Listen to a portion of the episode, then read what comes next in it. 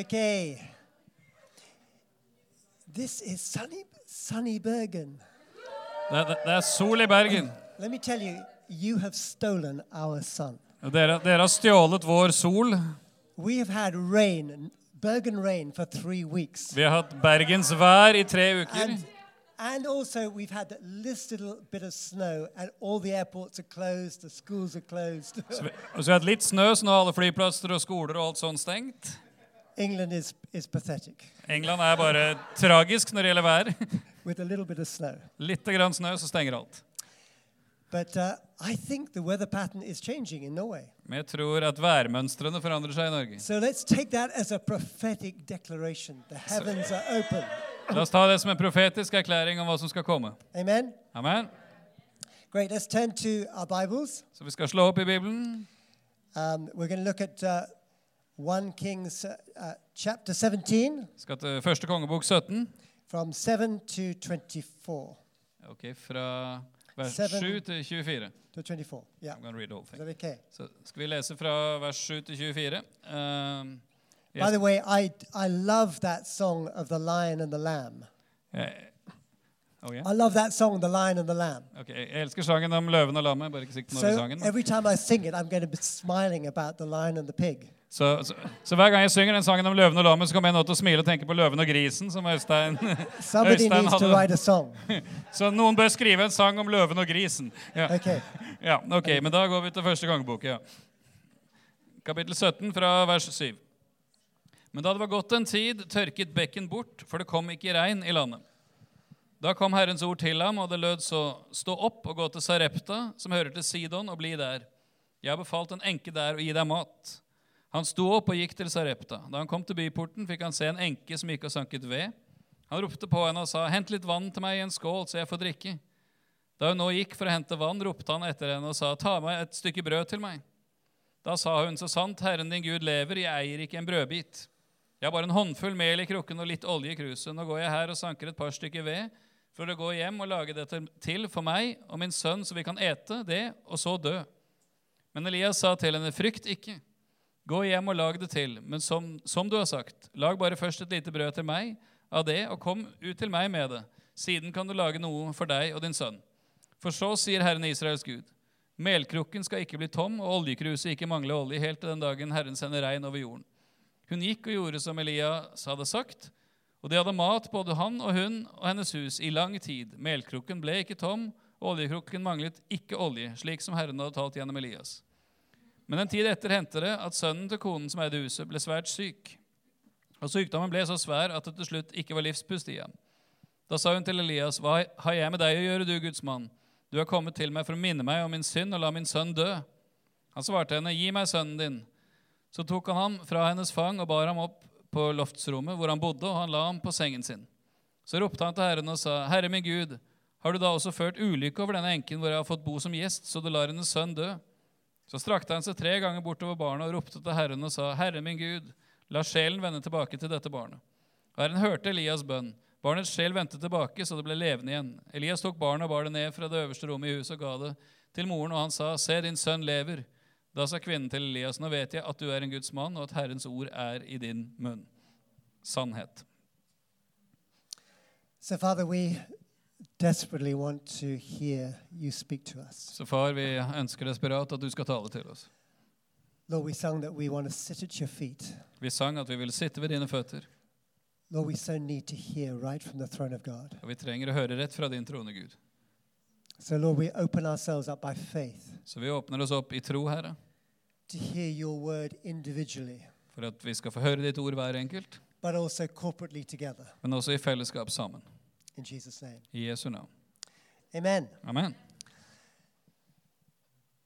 This is an amazing passage, Dette er et fantastisk skriftavsnitt, but I want, to, I want us to look at some lessons that you can learn og jeg vil du skal se sammen med meg på noen lærdommer vi kan lære av disse skriftstedene. from a time like this I en tid som dette, a time of recession, en tid med a time nedgangstider, of hardship, en tid hvor ting er tøft, and a time of painful loss. og en tid med smertefulle tap, God teaches us things through those times. så lærer Gud oss ting i de tidene. But what you need to see is that during those times, the kingdom always advances. Og det du også må se er at Selv i sånne tider så går Guds rike alltid fram. And we mustn't let our minds get changed by the world's thinking. Og Vi må ikke la sinnet vårt bli forandra av verdens tankegang. Romans 12 says, Come on, don't let your mindset be shifted by the world. Romerne 12,2 sier at vi skal ikke la vårt sinn være preget av denne verden. If the world sees what we, we're going through, they think negative.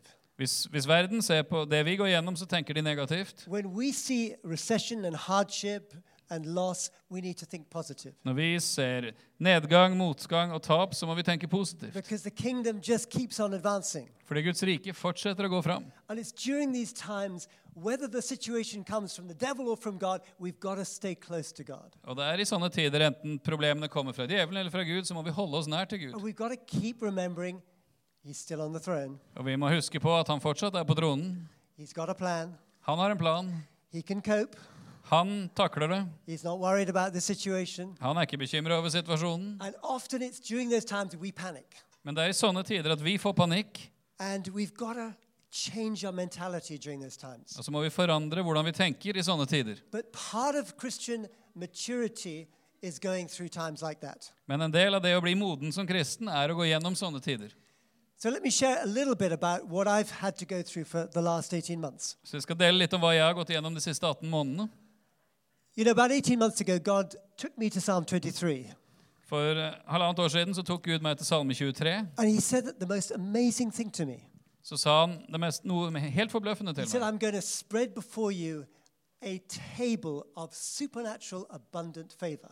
Han sa jeg vil, jeg vil dekke et bord for deg av overnaturlig overflods favør. It'll be global favor. Det skal være favør over he, fra hele verden. And you're going to have a table spread in the face of your enemies of supernatural funding. Og du vil ha et bord dekka for øynene på dine fiender av overnaturlig forsørgelse. But Men he said, to get there, for at du skal komme deg dit, you're going to have to walk through the valley of the shadow of death. så må du gå gjennom dødsskyggens dal. You're going to have to submit to the rod of my discipline Du må bøye deg under min stav av disiplinering and learn to grab hold of that staff of God. og lære deg å gripe tak i Guds stav. And then it'll all open up.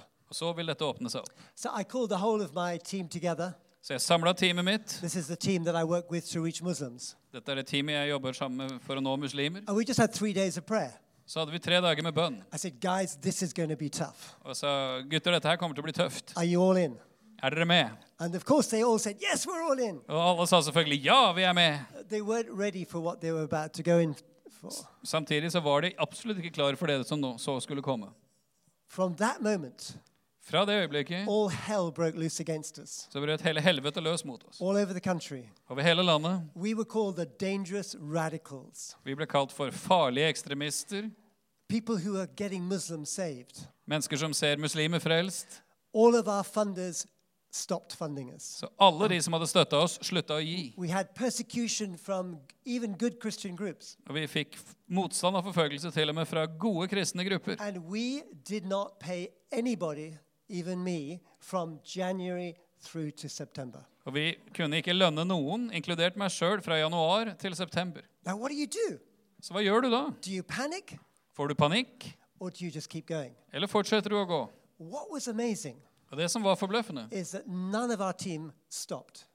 er at ingen i teamet slutta. And the Mahaba groups kept on spreading all over the country. Og gruppene våre begyn- fortsatte å spre seg over hele landet. In times of recession, the kingdom advances. Når det er nedgangstider, så går Guds rike fram. And now we have 55 to 60 cities that have a Mahaba network. Og nå har vi 55-60 byer som har et sånt Mahaba-nettverk. But then God said, that's not enough. Så sa Gud det er ikke nok. From September the 1st, I want you to do it globally. Fra 1.9. sa han nå skal du gjøre dette her internasjonalt. Set up Mahaba International Sette opp Mahaba internasjonalt. with no money. Uten penger.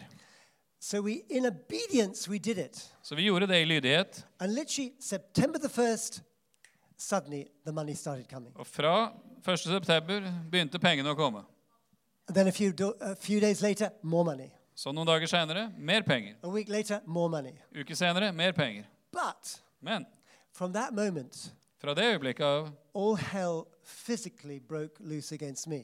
så brøt helvete løs fysisk mot meg. My doctor said, uh, You've got cancer.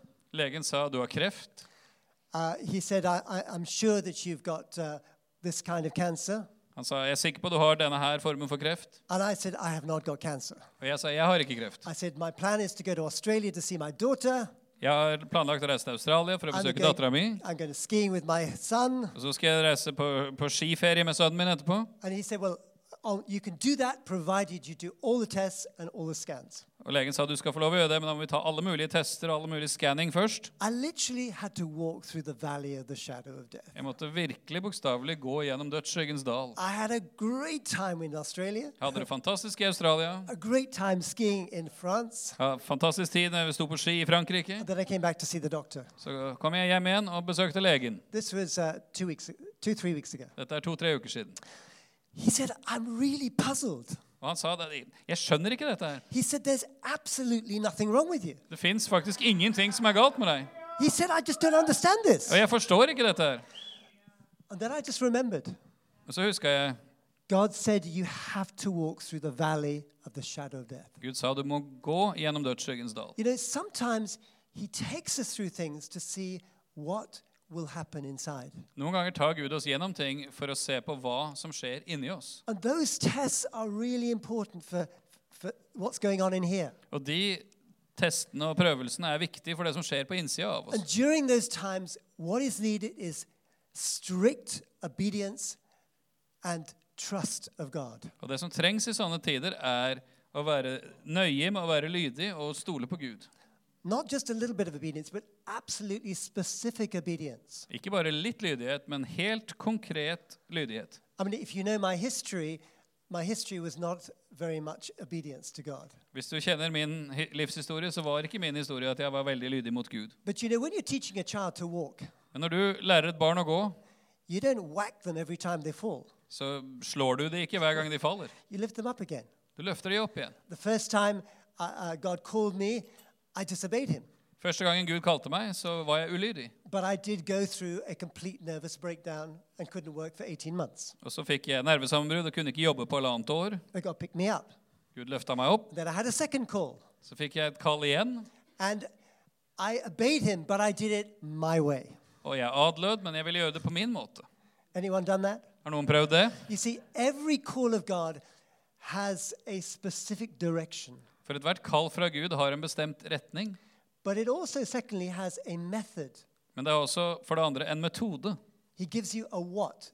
What are you going to do? Han gir deg et hva, hva skal du gjøre? Then he gives you a how are you going to do that? Og så gir han deg hvordan du skal gjøre det. But he also gives you a when, a timing. Men så gir han deg også et når det skal skje, altså en timing på det. What, how, when.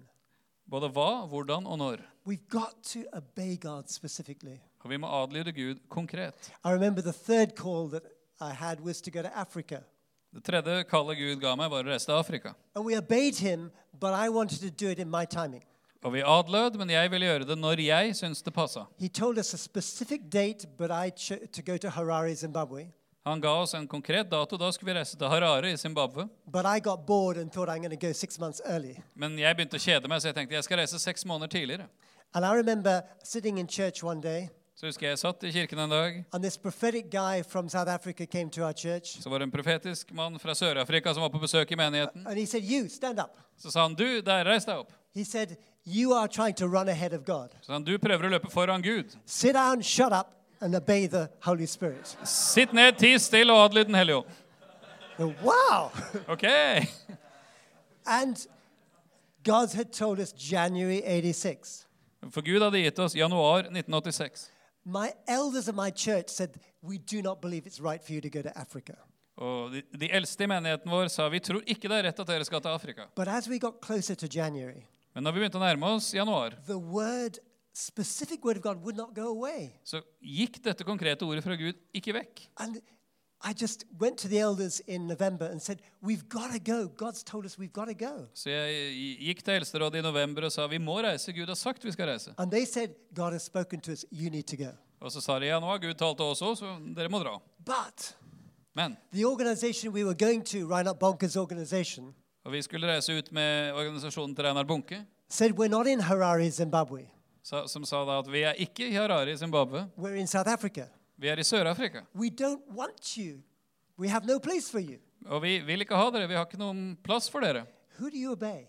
Så hvem adlyder du da? God gave us a specific instruction Harare, Zimbabwe, January 1986. Gud ga oss konkret øh, hva vi skulle gjøre. Harare, Zimbabwe, januar 1986. Now, what was God trying to do? Hva var det Gud prøvde å gjøre? He was, he was training us in specific obedience. Han trente oss i konkret lydighet. And you have to go through these times of just being under the hand of God. Og du må gå gjennom sånne tider hvor du bare bøyer deg under Guds hånd. We sold our house, we got everything ready, Solgte huset vårt, gjorde alt klart. we had no salary.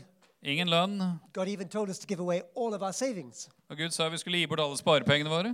But the night before we traveled, Men kvelden før vi skulle reise, I just felt this is crazy. så kjente jeg at dette er jo galskap. I've got a wife and a, a one year old baby. Jeg har en kone og en ett år gammel baby. What am I doing? Hva holder jeg på med? And so I rang South Africa and said, listen, what's happening? Så jeg ringte til Sør-Afrika og sa du, hør her, folkens, hva er det som skjer? And to my amazement, the general manager answered the phone Og til min forbløffelse så svarte direktøren meg and he said, I can't believe that you have phoned. og sa jeg, jeg kan ikke tro at du ringte akkurat nå. He said, We've just had a board meeting For vi har akkurat hatt styremøte, and we're, move, we're closing all of our operations in South Africa. We're moving everybody to Harare, Zimbabwe. og nå stenger vi ned alt vi gjør i Sør-Afrika og flytter alle til Harare i Zimbabwe. When can you be there? Because we need you. Når kan dere være der? For vi trenger dere. You know, I thought, wow, God, this is not nice. Og jeg tenkte gud, det her er ikke snilt. Why did you have to do that to me? Hvorfor måtte du gjøre det på den måten? But you know, in these times, as we're entering a time of awakening, Men i sånne tider, når vi går inn i en tid av oppvåkning, we've got to hear God.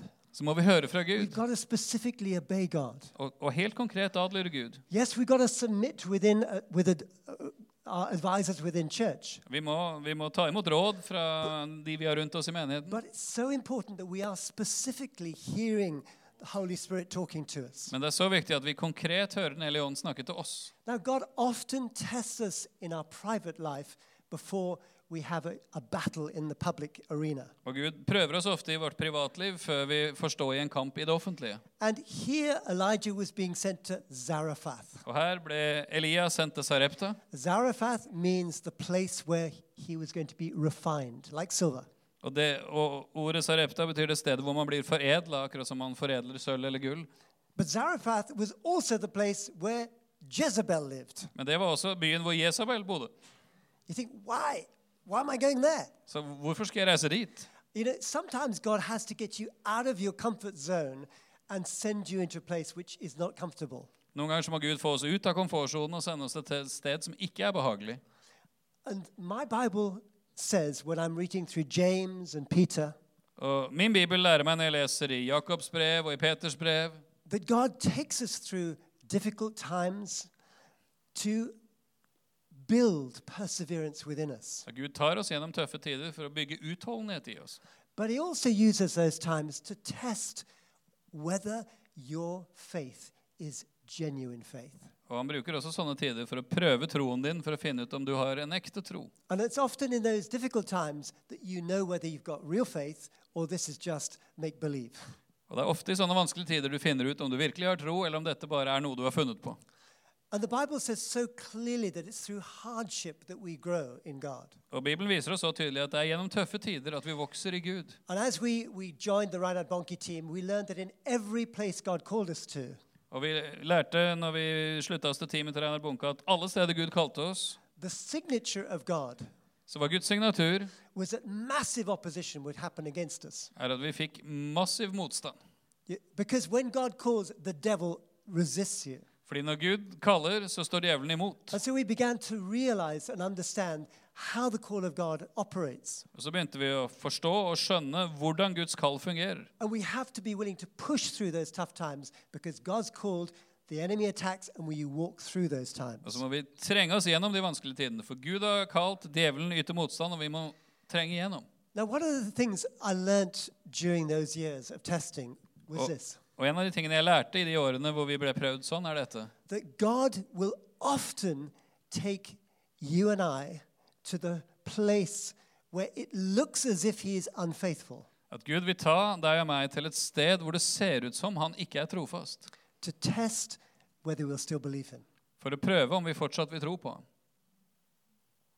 I want you to say that with me. Så si det med meg. Say, say it in Norwegian. Si det på norsk.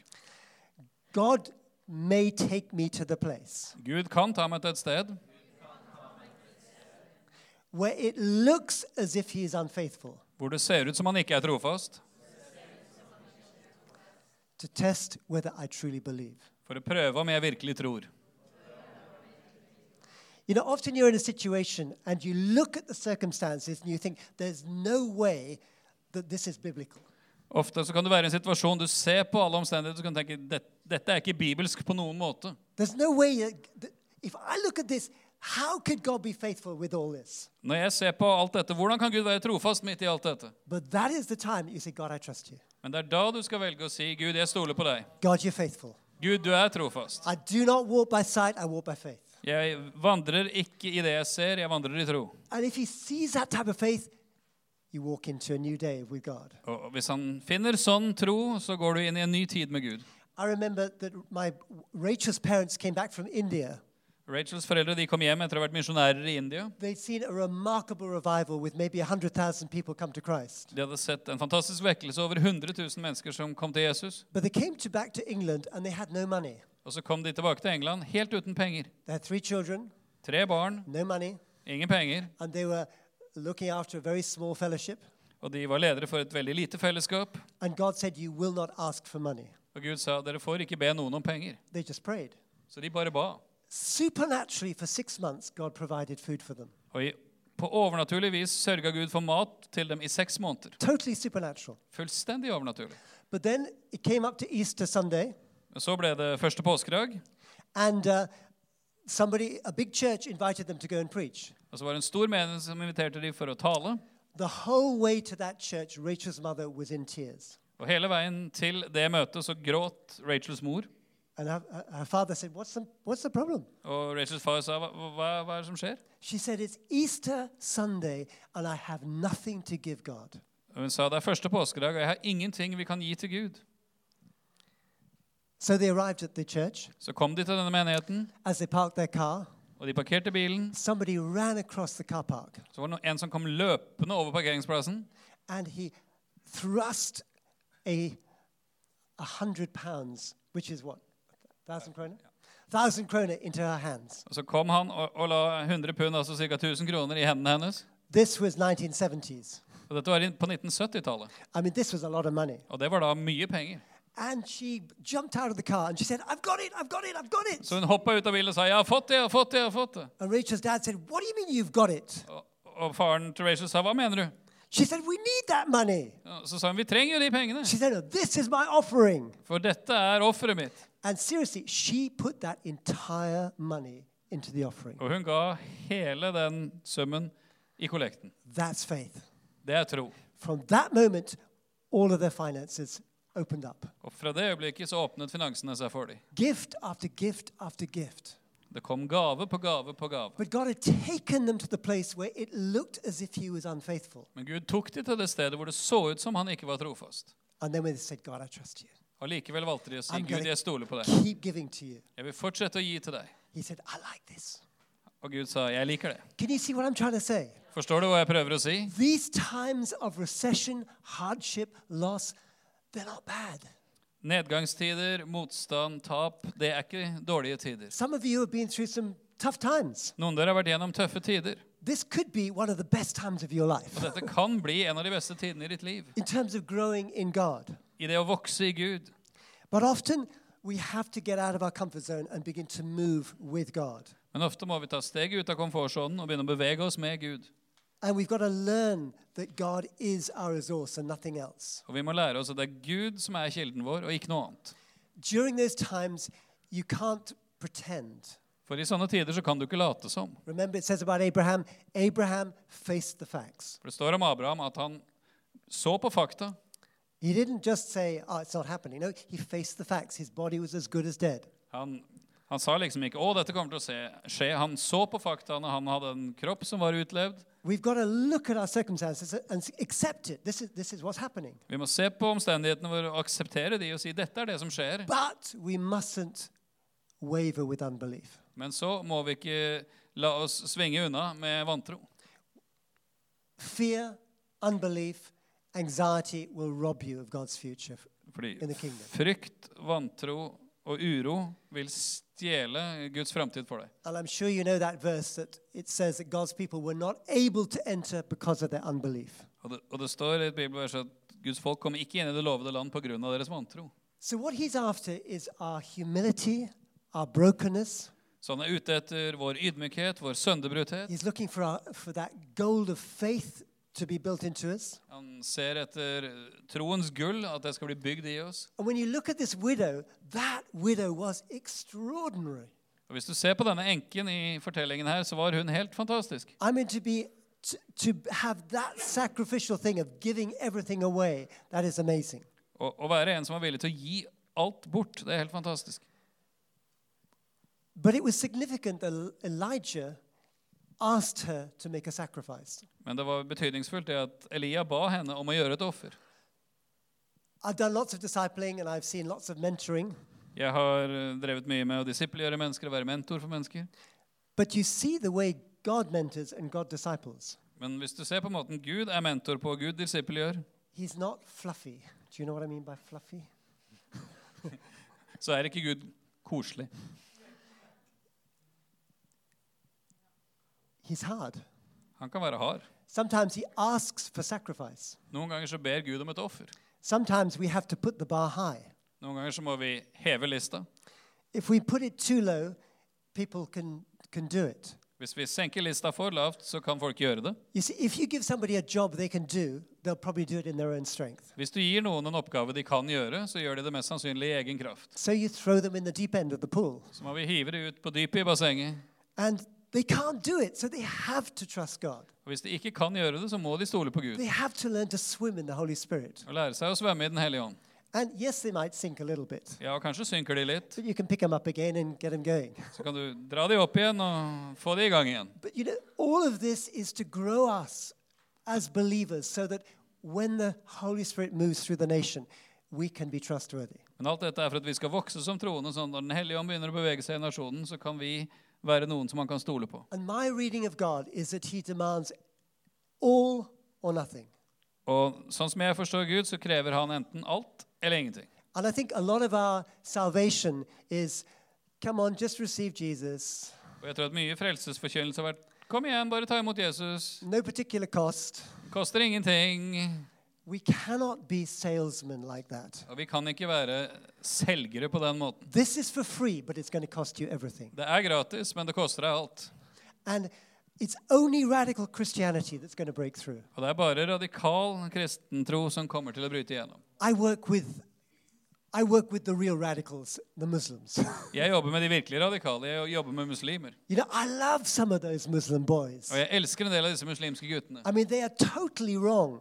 De har fullstendig feil, But the last time I was with them, I said, guys, if you could be my youth group, we could change this nation. men forrige gang jeg møtte dem, så sa jeg gutter, hvis dere ville være ungdomsgruppa mi, så kan vi forandre hele nasjonen. Because it's a radical passion, radical sacrifice. For de har radikal lidenskap, de gjør radikale offer. We've got to get that back in the church. Og vi må få det tilbake i It's menigheten. got to be back here Det, vi må få det tilbake igjen. because it's our inheritance. Fordi det er vår arv. Sacrifice is part of the Christian life. Og det å ofre noe er en del av kristenlivet. The word radical should be the Christian word. Og at ordet radikal skulle være en beskrivelse av de kristne. And I, we were fi- quite proud in England that Christians were calling us radical. Så vi var stolt over det at vi i England ble kalt radikale av andre kristne. Wow, we've arrived. Ok, nå har vi kommet et sted her, ja. so we mustn't merge with society. Så vi må ikke blande oss sånn sett inn i samfunnet. And everything today in our society is trying to get the church to submit and to merge and to compromise. For alt i samfunnet i dag vil få kirka til bare å blande seg inn og bli en del av mengden og gå på kompromiss. And this is where we've got to understand the whole thing of money. Money. Og det er her, i, I denne sammenhengen så vi må forstå alt det som har med penger å gjøre. Do you know what the Bible says about money? Vet du hva, peng, vet du hva Bibelen sier om penger? It says money is the answer for everything. Penger er svaret på alt. Did you know the Bible said that? Vet du at Bibelen sier det? Money is the answer for everything. Ecclesiastes. Det står i Eklesiastes, hva er det det er da? For- Forkynneren, ja. eh, At penger er svaret på alt. What does it mean? Og hva betyr det? It means if you want to understand what you are going through, Hvis du vil forstå det du går gjennom, look at your attitude to money. Så se på din holdning til penger. then you got the answer. Så finner du svaret. Your attitude to your money, your finances, your possession gives you the answer to your faith life. Fordi holdningen din til pengene dine, eiendelene dine, gir deg svaret på hvordan troslivet ditt er. Can you understand that? Forstår du det? Because it's so important that you realize that you cannot serve God and money. For det du- er så viktig at du forstår du kan ikke tjene både Gud og penger. There has to be a sense that we have money, but money does not have us. Vi må ha en forståelse av at vi har penger, men pengene har ikke oss. And where God tells you to do something, don't let money say you don't have enough. Og når Gud sier at du skal gjøre noe, ikke la pengene fortelle deg at du ikke har nok. And it's so important during these times of recession not to hold on to everything. Og det er så viktig i nedgangstider ikke å holde fast i alt. Because it's a natural thing to slowly withhold. For det, det er helt naturlig at man gradvis begynner å holde igjen. You, in our lives, God has told us three times to give away everything. Tre ganger i livene våre har Gud sagt nå skal dere gi bort alt. Why? Hvorfor? Because we were beginning to trust in what we had. Fordi vi begynte å stole på det vi hadde. And once you've given it all away, Og når du har gitt vekk alt, you feel happy again så blir du lykkelig igjen. because you've got nothing For da har du ingenting. but God. Utenom Gud. But God. Utenom Gud. I mean, how stupid can we get? Så jeg mener, hvor dumme kan vi egentlig være? And when we first got married, Når vi gifta oss, God made us commit ourselves to Him. så fikk Gud oss til å overgi oss til Han. That when we got to a bank balance of nothing, At når vi eh, hadde null kroner i banken, we were not to borrow and not to go into credit. så skulle vi ikke låne, og vi skulle ikke bruke kreditt. He said, when you get to naught, Han sa når dere kommer til null, then it's miracle time. da er det tid for mirakler. Trust me. Stol på meg. If you don't trust God and you trust your credit card, Hvis du ikke stoler på Gud, men du stoler på kredittkortet you ditt, never enter the realm of miracles. så kommer du aldri inn i det som har med mirakler å gjøre. And every time we came to naught, we said, God, show us your hand. Og Hver gang vi kom til null, så sa vi Gud, vis din hånd. And He loves to do miracles at that time. Og han elsker å gjøre mirakler i sånne tider. Again and again and again, miracles. Igjen og igjen og igjen så vi mirakler. But you don't learn it until you get to naught and you say, God, I trust you. Men du lærer aldri det før du er på null, og for det sier Gud, jeg velger å stole på deg. And so many of you have been through a time uh, of recession and hardship. Mange av dere har vært gjennom en nedgangstid, og ting er And tøft. the human tendency is hold on to it. Og da er den menneskelige tendensen nå skal vi holde fast på det vi har. God says, no, open your hands up. Men Gud sier nei, åpne dine hender. Uh, what is so special about Isaac? Og Det som er spesielt med Isak i Bibelen, You see this in uh, first book of Genesis, chapter 26. du ser det i Første Mosebok 26, It said, in a famine or recession, Isaac sowed everything. det står at i en tid av hungersnød så sådde Isak alt, And he reaped 100 fold. og han høstet hundrefold. Everybody else was holding onto their seed. Alle andre holdt fast ved såkornene sine They got nothing. og fikk ingenting. He sowed everything.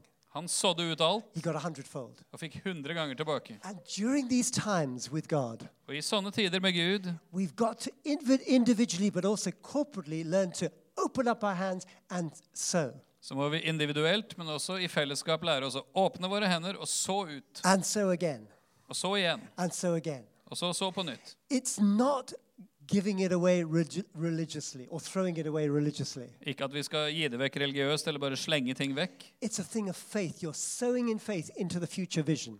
men det er en troshandling at du i tro sår inn i visjonen for framtiden. Does that make sense? Forstår vi det? Now, we see what happened with that widow Så hvis vi ser på hva som skjedde med denne enken that she sacrificed, Hun ofra, she gave, hun ga, and then she lived in miraculous provision. og så fikk hun leve i mirakuløs forsørgelse. But there's a second part to the story. Men så er det en del to av historien. She went through an incredibly painful loss. Så opplevde hun et forferdelig smertefullt tap. God had given her this son supernaturally. Gud hadde gitt henne denne sønnen på overnaturlig vis. And some of us know that God has given us things which are now dead. Og mange av oss vet at Gud har gitt oss ting, men som nå er død. It may be a relationship, Det kan være en relasjon, maybe a dream, en drøm, it may be your marriage, it may be your kids.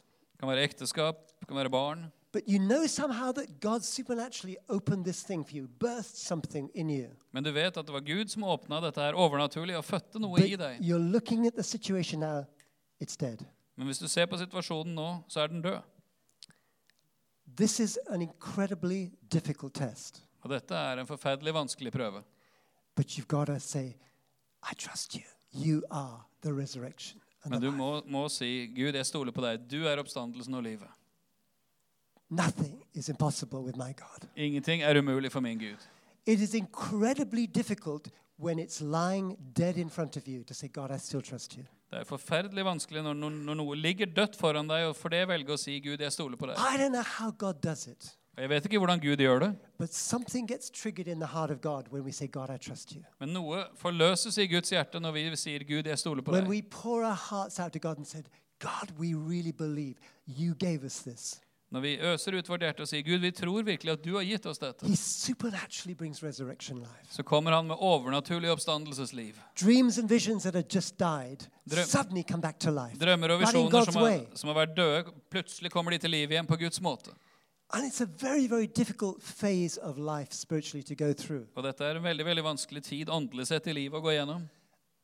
And remember what happened to David at Ziklag when, you know, 1 Samuel 30, he lost everything at Ziklag. Hvis du husker hva som skjedde med David når han var i Siklag det, i 1. Samuel 30, det, han, han tapte alt. He had a choice. Og han hadde et valg. His, his men just wanted to stone him, Mennene hans ønska å drepe han, but he got courage from God. men han fikk mot fra Gud. And it says about David that because he got hold of God, Og det står om David at for det han grep tak i Gud, he recovered everything. så fikk han tilbake alt. Supernatural resurrection, Overnaturlig oppstandelse, supernatural giving and opening up. overnaturlig å gi, og det åpna seg opp. And what God is training us for during these times of recession, Og det Gud trener oss på i sånne motgangstider, He's training us to see the way He sees. er å lære oss å se hvordan han ser. Because the way you see your circumstances is what will shape you spiritually. For måten du ser på omstendighetene dine, er hvordan du vil bli forma åndelig. Uh, you've all read the verses in James and uh, in 2 Corinthians. You know, count it pure joy. Du har al- alle lest disse versene i Jakobs brev og 2. Korinterbrev. Regn det alt som glede. We, we, we hate that, that verse. Vi, vi, vi hater det verset. Ca- Count it pure joy when you go through trials and difficulties of many kinds. Når prøvelser og motgang av mange slag eh, skjer med dere, regn det alt som glede. But it is a secret. Men det er en hemmelighet. of having the perspective and seeing correctly and thinking, wow, this is going to lead to breakthrough. For det, men det er en hemmelighet i det å se og ha rett perspektiv og tenke Oi, dette kommer til å føre til gjennombrudd. You know, when I first married Rachel, I was Mr. Negative. Når jeg gifta meg med Rachel, så var jeg herr negativ. And Rachel and God worked on me. Men Rachel og Gud jobba med meg.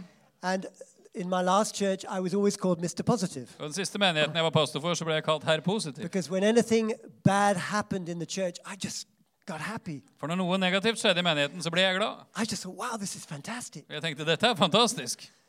But last year, during those 18 months, Men den siste å- perioden gjennom disse 18 månedene I opened the door again to fear and anxiety. så åpna jeg døra igjen for frykt og å være redd.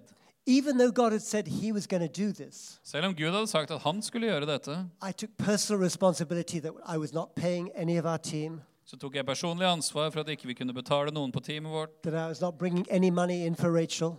at jeg ikke hadde penger til Rachel. I was personally looking at myself to be the provider rather than God. Og jeg begynte å se på meg sjøl personlig som den som skulle sørge for dette, og So ikke Gud. I opened the door wide to that negative fear, anxiety, stress. Så jeg åpna døra på, på vidt gap for frykt, stress, negativitet. And it was during this time that God showed me what had happened. Og så I denne perioden viste Gud meg hva som hadde skjedd. I went through a time of repentance with God, Så jeg gikk gjennom en tid hvor jeg omvendte meg innenfor Gud, closed that door, stengte den døra and started bouncing again. og begynte å hoppe og sprette igjen. And beginning to see correctly. Og begynte å se på rett måte. But it was a lesson to me. Men det var en lærepenge for meg. You've never a- arrived. Du har aldri kommet fram. Always got to stay humble and open to God. Du må alltid være ydmyk og åpen for Gud. You cannot look at anybody else but God for your resource. Du kan ikke se til noen annen enn Gud for å være, være dine ressurser. Don't believe that you personally are responsible. No, God is your resource. Ikke tenk at du personlig er ansvarlig. Gud er dine ressurser. Otherwise, we take a wrong responsibility. Ellers så tar vi feil ansvar. And we've got to somehow learn how to bring down from the, the huge bank account of heaven. Og vi må isteden lære oss å bringe ned ifra himmelens enorme bankkonto. And so, as we change our perspective, Så når vi forandrer perspektivet vårt, we hear the Bible in Hebrews saying, Come on, be encouraged. God's treating you like sons. så hører vi Bibelen si i brevbrevet at vær ved godt mot når Gud behandler dere som sønner. It's hardship that trains you to be sons and daughters. Det er når man har det tøft at vi blir lært opp til å være Guds sønner og døtre. Now, probably your greatest enemy Og antakeligvis er det sånn at din største fiende is self pity. er selvmedlidenhet. I know because I've been using a lot of self pity. Og jeg vet det, for jeg har vært vant til mye selvmedlidenhet. Poor little me. Stakkars lille meg. Why am I going through all of this? Hvorfor skjer alt dette med I meg? don't deserve this. Jeg fortjener ikke Uh, dette. we, we act the victim, the wounded person. Og så oppfører vi oss som ofre, som en som er såra. And it is so important that you reject self pity. Og det er så viktig at du avviser selvmedlidenhet. You know, Jesus came to grab hold of Lila Mai, little me, and bring it to the cross. For Jesus kom for å ta tak i stakkars lille meg og bringe han til korset. And what is it that's full of self pity? It's little me. For det som er full av selvmedlidenhet, det er stakkars lille meg. When we begin to find that we're getting very self pitying, you've got to bring it back to the cross and nail it on the cross. Når du oppdager at du er full av selvmedlidenhet, så må du bringe det til korset og nagle det fast der. Because too many Christians stay wounded and victims. Fordi altfor mange kristne forblir såra og forblir ofre. We're created to go through tough times. Vi ble skapt for å gå gjennom tøffe tider. God promises us we will go through tough times. Gud har lovt oss at vi skal gå gjennom tøffe tider. He promises we'll go through recession. Han har lovt oss at vi skal gå gjennom He nedgangstider. promises we'll go through times of deep, painful loss. Og han har- har lovt at vi skal gå gjennom tider med smertefulle tap. Like him, we will be de- betrayed. Som han ble, så vil vi bli forrådt. But we don't stay wounded and in self pity. Men eh, vi må ikke forbli såra og i selvmedlidenhet. We bring it to the cross, we nail it to the cross. Vi må nagle det til korset. And then we be- get happy and we move on with God. Og så kommer gleden, og vi kan gå videre i Gud. Now, it's really important that we learn it Og det er så viktig at vi lærer dette.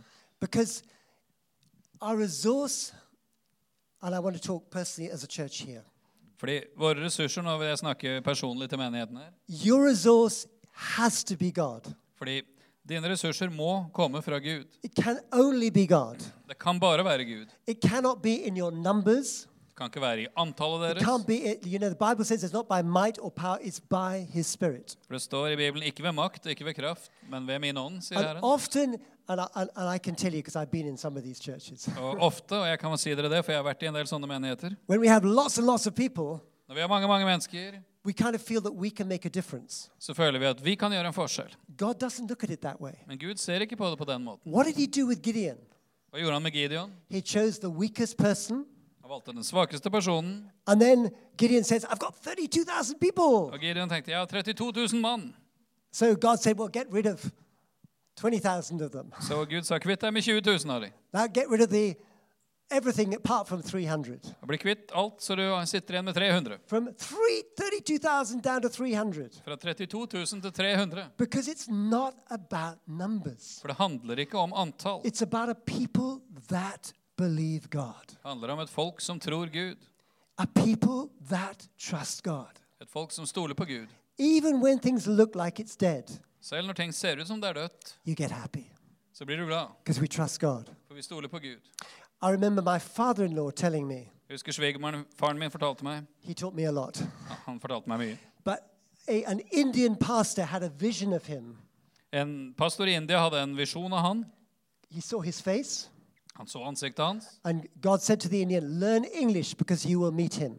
Og Gud sa til denne indiske mannen du skal lære deg engelsk, for du kommer til å møte han her. He will bring revival to your church. Han kommer til å bringe vekkelse til menigheten din. It, three years later, he met my father in law. Og Tre år senere møtte denne indiske mannen svigerfaren min. He was so excited. Han ble så begeistra. He said, You must come down to my church. in Hyderabad. Og han sa du må komme på besøk til menigheten min i Hyderabad. He had 100 members. Han hadde 100 medlemmer. So Alan flew down. Så Alan han fløy ned dit, This pastor was so excited. og pastoren ble så begeistra. But my father in law preached on the kingdom, Og svigerfaren min forkynte om Guds rike, he preached on radical sacrifice, forkynte om radikalt offer, giving everything to God. å gi alt til Gud. No wishy washy Christianity. Det var ikke noe sånn eh, snill kristendom, dette her. Costs you everything. Dette koster alt. 40 people left the church. Og 40 medlemmer forlot menigheten. This pastor thought, what is going on? Og pastoren tenkte hva er det som skjer? But he had 60 who were willing to sacrifice. Men han satt igjen med 60 som var villige til å ofre. The fire of God came on those 60. Og Guds ild falt på disse 60. Today they're 50,000. I dag er de 50 000. They've seen people raised from the dead, De har sett mennesker vekt opp fra de døde church planting movement, the whole of Andhra Pradesh. og sett en menighetsplantingsbevegelse i hele delstaten sin. It's not about numbers. Det handler ikke om antall, Will we trust God? men om vi vil stole på Gud. You and I know Du og jeg vet there's a call of God here. at det fins et kall fra Gud her. Come on, do you know it? Vet du det? Will you trust God? Vil du stole på Gud? Will you open up your spirit? Vil dere åpne opp deres ånd Don't just hold on to everything. og ikke bare holde fast ved alt mulig? Don't feel victim or wounded. Ikke oppfør dere som ofre og som de som er såra. Get happy. Bli glad. Get happy. Bli glad. Learn that this is the most exciting times of your lives Lær at dette er den mest spennende tiden i ditt liv. because you're being tested by God to see if your faith is genuine. For du blir prøvd av Gud for å, for å se om troen din er ekte. But I want to tell you, Men jeg vil si deg, it will cost everything. det koster alt. Let's stand. La oss reise oss. So, Father, we're looking to you. Så far, vi ser til deg. We know that you want to grow each one of us. Vi vet at du vil at vi skal vokse hver enkelt. We know that you're teaching us how to walk in faith and then run in faith. Du vil, vi vet at du vil lære oss å vandre i tro, for så å løpe i tro. Lord, some of this journey has been pretty rough. Og en del av denne reisen har vært skikkelig tøff It's been pretty painful. og veldig smertefull. But Father, today Men far, i dag we want to make a clear decision ønsker vi å ta en tydelig beslutning to take our eyes off everything else og ta blikket bort fra alt annet and say, God, you are my resource. og si Gud, du er min kilde. You are my provider. Du er min forsørger. You are the source of all wonders. Du er eh, kilden til alle under. You are the one who brings miracles and faith. Du er den som gir mirakler og tro. And we want to get our eyes off ourselves, Og vi ønsker å løfte blikket bort fra back oss onto selv heaven. og tilbake til himmelen. And Father, we want to make a commitment today Og far, vi ønsker å gjøre en overgivelse i dag. that we will give you everything At vi gir alt til deg and open up to heaven again. og åpner oss for himmelen igjen. That the free flow of the Spirit can touch this city and the nations through us. At åndens frie flyt kan berøre denne byen og denne nasjonen gjennom oss. So, Father, come by your Spirit right now Så far, kommer inn ånd akkurat nå. and help each one of us to come to a clear decision before heaven, Og hjelp to hver- heaven's throne. Hjelp hver enkelt av oss til å komme til en tydelig beslutning innenfor Guds trone. Now, Uh, just allow the Spirit to minister to you. Så bare la Den hellige ånd komme og betjene deg. Remember, He loves you, He loves you, He loves you. Husk, han elsker deg, han elsker deg, han elsker deg. That's why I wanted every one of you to get a hug. Det var derfor jeg ville at dere alle skulle få en klem i stad. he so loves you, Han elsker deg så høyt, but He wants you. men han vil ha deg. No holding back, Uten at du holder noe igjen. no victims. At vi ikke er ofre. Put that victim thing on the cross. Bare nagl det å være et offer til korset. Put those wounds on the cross. Bare legg de sårene på korset. He wants to clothe you with His anointing. Han vil ikle deg sin salvelse. Take off those dirty rags, Ta av deg de slitte fillene. those rags of apology, Disse fillene av unnskyldninger. rags of failure. Fillene av mislykkethet. Just give everything to God and let Him clothe you with His anointing. Bare gi det hele til Gud, og la han ikle deg sin salvelse. Now, I know this is a word also for the church, Jeg vet at dette er et ord ikke bare individuelt, men også for, he- for but today menigheten. take this as well for yourself. Men ta det også imot til deg personlig. And I don't know what stage you're at with God, Jeg vet ikke hvilket stadium du er på med Gud, but if you need to come forward and just rededicate everything into His hands, Men hvis du trenger å komme fram for å bare overgi alt på nytt i hans hender, then just find a place where you can kneel and just give it all to Him. så bare finn et sted hvor du kan knele og bare gi alt til han. And just make it a, a but between you and God. Og bare gjør dette til en sak mellom deg og Gud. He's not wanting to whip you in any way or punish you. Han kommer ikke til å piske deg eller straffe deg på noe He's saying, vis, Come on, I want you. I want you. I want you. men han sier, 'Gud, jeg vil ha deg'. Gud sier, 'Jeg vil ha deg, jeg vil ha deg'. But it will cost you everything. Og det koster deg alt. And if you feel you need that, then I just want you to get down on your knees and just give it to God. Hvis du merker at du trenger å gjøre det, så vil jeg at du skal gå ned på kne og bare gi alt til Gud. And let's just all just pray out. Just, just let this be a place of prayer today. Og la oss alle sammen bare be. La dette være et bønnested akkurat nå. Holy Spirit, Helio. come powerfully right now Kom med kraft akkurat nå. and do what only you can do. Og gjør bare du, det bare du kan gjøre. Jesus, Jesus, Jesus. Jesus, Jesus.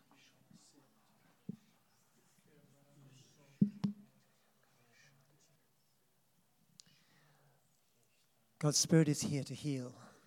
Guds ånd er her for å helbrede. Spirit is here to release as well. Guds ånd sånn er her for å forløse. So just allow Him to touch those painful areas. Så la han bare få lov å berøre de smertefulle områdene. Let Him go deep down, La han få gå på dypet med deg. deep inside. Dypt på innsiden. Kari sobrosha kari makari botania. Tabrido brosha kari kabrasto burta basatakinia. Pil bromas brash dobra ila kara tikimana. Chatobri shikapotinia kaya. Taye tabroso lebitania kubashaka.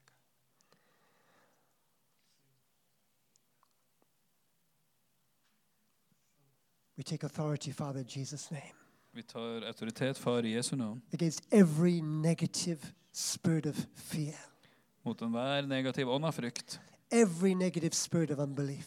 enhver negativ ånd av vantro, all anxiety, all frykt, all those wicked spirits alle disse onde åndene that have held us in a victim mentality, som holder oss fast i å tenke at vi er et offer. all those spirits of self pity. Enhver ånd av selvmedlidenhet. We break the power of those things. Vi bryter makten i de tingene, We put them on the cross, legger de på korset, declare, set us free, erklærer 'sett oss fri', set us free, sett oss fri. clothe us with your power, Ikle oss din kraft, clothe us with your anointing. ikle oss din rettferdighet. Come, Kom, oh Father, å Far, pour it out, pour out your spirit. øs ut din ånd. Go deep within, Gå på dypet med oss, Herre. Jesus. Jesus.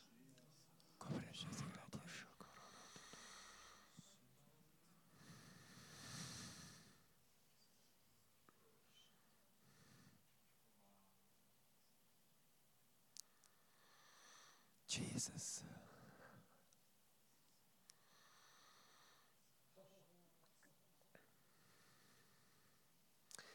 Some of you who feel you've broken through with God, just feel free to just get up and minister to others. De av dere som kjenner at dere har fått et gjennombrudd med Gud, eller har et gjennombrudd med Gud, kan, hvis dere kjenner det, være med og be for andre. Let's just be a family here. La oss bare være en familie her Just believe that God is going to do something deeply in us together. og tro at Gud vil gjøre noe dypt i oss felles. Thank you, Jesus. Takk, Jesus. Takk, Jesus.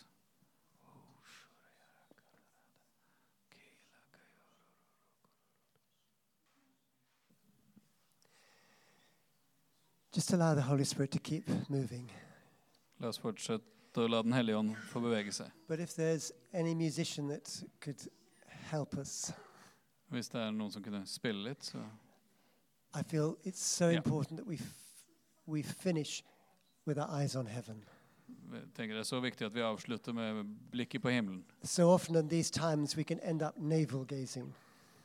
Det er så lett at vi ender opp i sånne tider med å være navlebeskuende. And God says, No, lift your eyes to heaven. Men Gud sier nei, løft blikket mot himmelen. Take your eyes off yourself.